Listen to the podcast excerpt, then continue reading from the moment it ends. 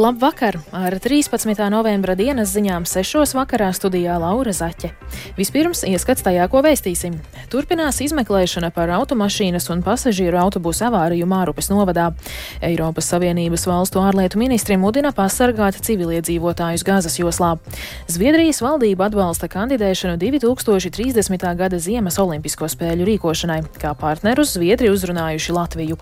Par šiem un citiem tematiem plašāk ziņu turpinājumā.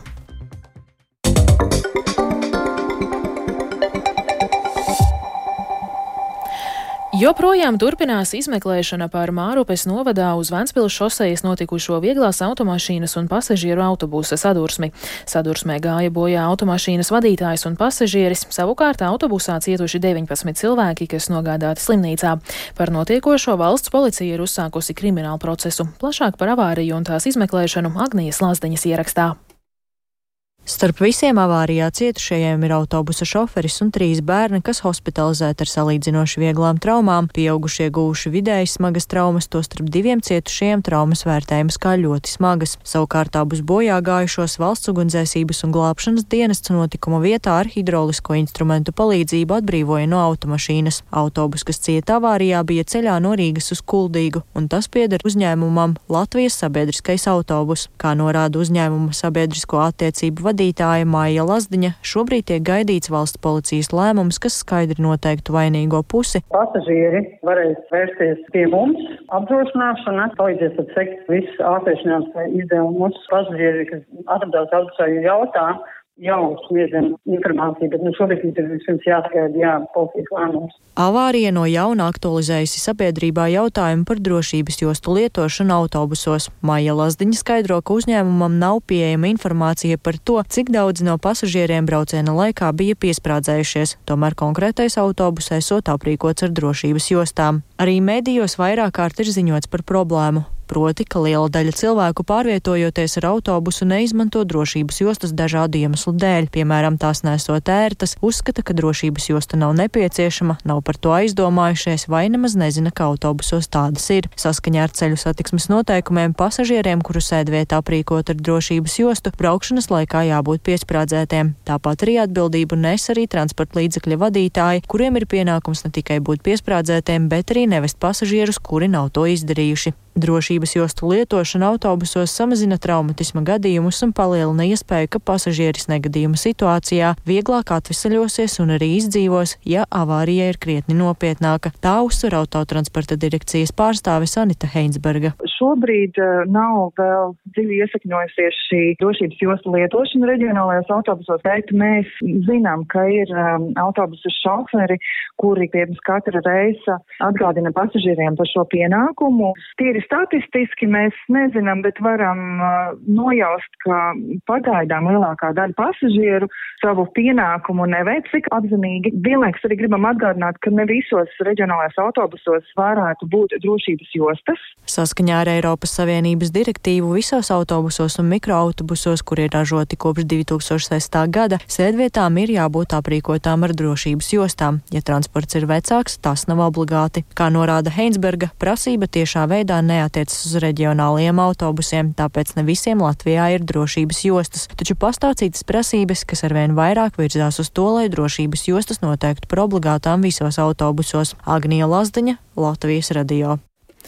Turpinot meklēt pazudušo Annu Jansoni, kuras četrus mēnešus veco meitu atrada mirušu mežā atstātā automašīnā, valsts policija aicina ziņot par lielā ķemeru tīreļa purva apkaimē redzētām antifrīza pudelēm. Noskaidrots, ka pirms pazušanas Jansone šādu pudeli iegādājusies un iespējams tā bijusi viņai līdzi.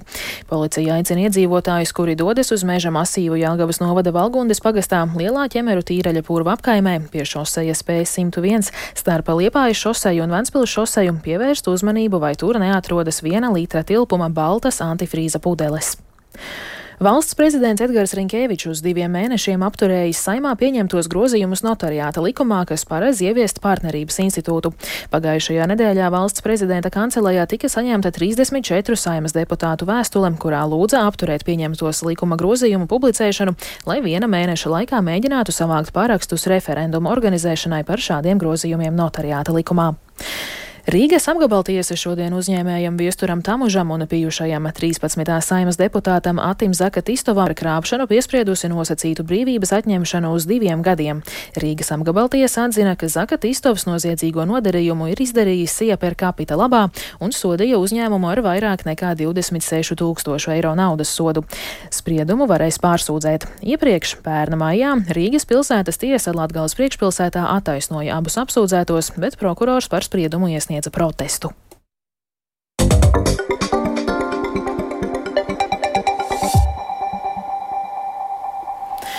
Situācija Gazā šodien ir Eiropas Savienības valstu ārlietu ministru uzmanības centrā. Svētdien augstais pārstāvis ārlietās Žuzeps Borels nāca klajā ar paziņojumu, kurā mudināja Izraēlu pasargāt Gazas civiliedzīvotājus, kuri atrodas slimnīcās. To paredz starptautiskās humanitārās tiesības. Savukārt Latvijas ārlietu ministrs Krišjānis Kariņš no jaunās vienotības uzskata, ka Eiropai vajadzētu koncentrēt pūliņus uz divu valstu izveidi. Vienīgais atrisinājums ir divu valstu risinājums. Tik ilgi, kamēr palestīniešiem nebūs sava valsts, ko būvēt, tik ilgi būs frustrācija, bezizēja un terorismu, varētu teikt, jaunie rekruti. Ja likvidēs Hamas, tā vietā varētu nākt kāds cits līdzīgi, kā mēs redzējām ar Al-Qaida un ar ISIL. Tā tad Eiropā jāspiež uz šādu risinājumu. Protams, tad ir jautājums, kas notiek rietumkrastā Izrēlā un kas notiek ar šīm apmetēm okupētajās teritorijās, kur izrēlieši ir ievākušies palestīniešu teritorijā. Bet tas, ka tas ir grūti, nenozīmē, ka par to nav jāsaka jārunā. Turpinoties pretuzbrukumam, Ukrainas bruņotajiem spēkiem pēdējo dienu laikā izdevies nedaudz pavirzīties uz priekšu Dņepras kreisajā krastā Hersonas apgabalā, taču citādi lielu izmaiņu frontē nav, un pilnā apmēra karam tuvojoties otrajai gadskārtai daļa karavīru tuvinieku pieprasa iespēju karavīriem pēc noteikta frontē pavadīta laika demobilizēties. Vakar Kijivā un citās Ukrainas pilsētās karavīru mātes un sievas bija devušās piketos, prasot pieņemt likumu, kas ļautu tiem karavīriem, kas vēlas demobilizēt vēlēties atstāt armiju pēc tam, kad karā pavadīti vismaz 18 mēneši. Turpinājumā fragments no Piketa Kijivā. Es esmu šeit, jo mans vīrs jau vairāk nekā 18 mēnešus dienē Ukrainas bruņotajos spēkos, atrodas karstajos punktos un jau ir fiziski un psiholoģiski izsmelts. Viņi pastāvīgi atrodas necilvēcīgos apstākļos, tāpēc mēs cenšamies pievērst varas uzmanību tam, ka mūsu karavīriem ir nepieciešami termiņi demobilizācijai. Man tur ir dēls kopš pirmajām dienām. Es gribu, lai viņus nomaina, lai augstākā rada tagad aiziet un pakaro. Kāpēc viņiem tur jābūt tik ilgi? Līdz šim publiskā amatpersonu reakcija uz piketiem nav bijusi, bet Ukrainas augstākajā radā ir iesniegts likumprojekts, kas paredzētu tiesības Ukraiņiem tikt atbrīvotiem no armijas pusotru gadu pēc mobilizācijas, ja viņi nav izteikuši vēlmi turpināt militāro dienestu. Polijas galvaspilsētā Varšavā uz pirmo sēdi sanācis jaunais parlaments. Līdz ar to sākas laika atskaite pašreizējā Polijas premjera Mateuša Moravecka centieniem izveidot jauno valdību. Tomēr reāli iespēja vienoties par jauno koalīciju ir tikai opozīcijas partiju blokam, jo neviena partija nevēlas strādāt kopā ar Moravecka pārstāvēto likums un taisnīgums. Opozīcijas partiju bloku vada kādreizējais Polijas premjers Donalds Tusks. Pilsoniskā koalīcija, apvienība Trešais ceļš un kreisi centriskā partija Jaunie kreisie jau piekdien parakstīja koalīcijas līgumu.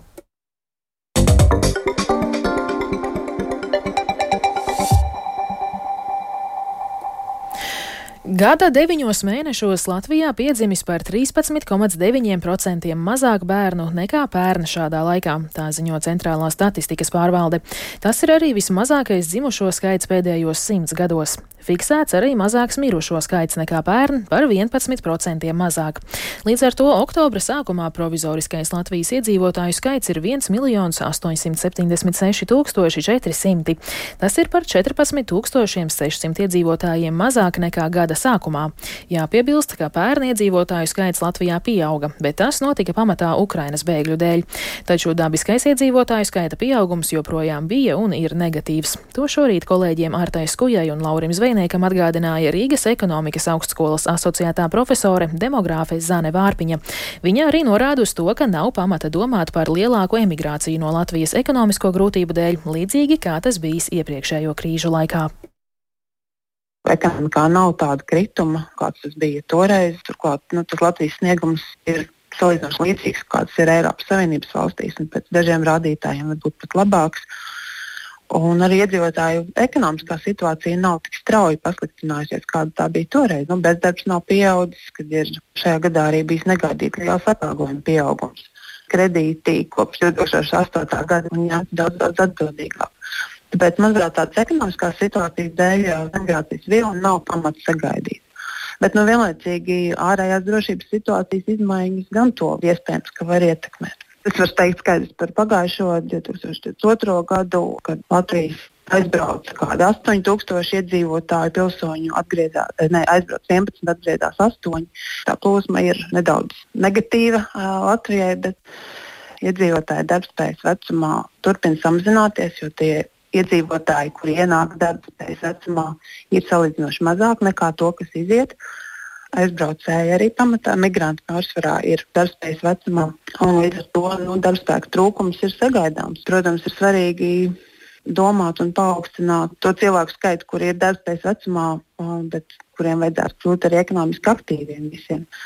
Lai tie cilvēki, kuri ir šajā vecumā, arī piedalītos darba tirgu. Nu, ja mēs neskatāmies migrācijas virzienā, bet skatāmies tieši uz tiem iedzīvotājiem, kuri šeit jau ir, manuprāt, ir svarīgi, lai tie cilvēki, kuri šeit ir, tiešām strādā un piedalās darba tirgu. Jāveic teikt, ieguldījumi cilvēku kapitālā, īpaši veselībā un izglītībā.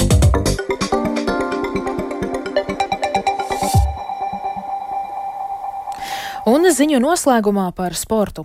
Zviedrijas valdība ir atbalstījusi valsts kandidēšanu 2030. gada Ziemas Olimpisko spēļu rīkošanai. Zviedri kā partnerus uzrunājuši Latviju ar mērķi bobsleja, skeletona un kamaniņu sporta sacensībām izmantot Siguldas trasi. Plānots, ka Zviedrijā centrālā pilsēta būs Stokholma, bet sacensības uzņems arī Esterzunda, kur tradicionāli notiek pasaules kausa biatlonā. Tāpat sacensības plānotas arī Falunā un Orē. Turpina Latvijas Olimpiskās komitejas ģenerālsekretārs Kārlis Leini dalībnieks. Jau mēs varam uh, veikt oficiālu ceļu, oficiālās sarunas pie tā, ka galvenais kandidāts partneris ir Zviedrijas valdība ir piekritusi un, un atbalsta šo ieceru. Tā kā mēs tagad beidzot varam oficiāli uzsākt tādas konkrētas sarunas, kā turpināt. Tālāk jau mēs iesaistīsim visus nepieciešamos partnerus, jo, kā mēs atceramies, Siguldas bobsleja, kamaniņa bobsleja skeletona trase ir valsts īpašumā, tā kā, nu, valsts būs tiešā veidā iesaistīta. Pagājušajā nedēļā par nodomu pretendēt uz 2030. gada Ziemas Olimpisko spēļu rīkošanu paziņoja arī Francija par spēļu centru izvirzot Nicu un Alpu kalnu reģionu. Savukārt novembra otrajā pusē par kandidēšanu lems Šveice. Zviedrija uz Ziemas Olimpisko spēļu rīkošanu neveiksmīgi kandidējusi jau astoņas reizes, pēdējo reizi cīņā par 2026. gada spēlēm zaudējot Milānai.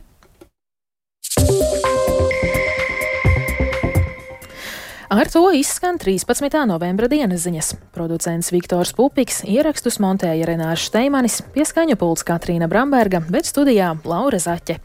Īsumā par svarīgāko. Turpinās izmeklēšana par automašīnas un pasažieru autobusu avāriju Mārupes novadā. Eksdeputātam Zaka Tistovam un uzņēmējam Tamužam krāpšanas lietā piespriesta divu gadu nosacīta brīvības atņemšana. Eiropas Savienības valstu ārlietu ministri mudina pasargāt civiliedzīvotājus Gāzes joslā. Un vēl tikai par laikapstākļiem. Yeah.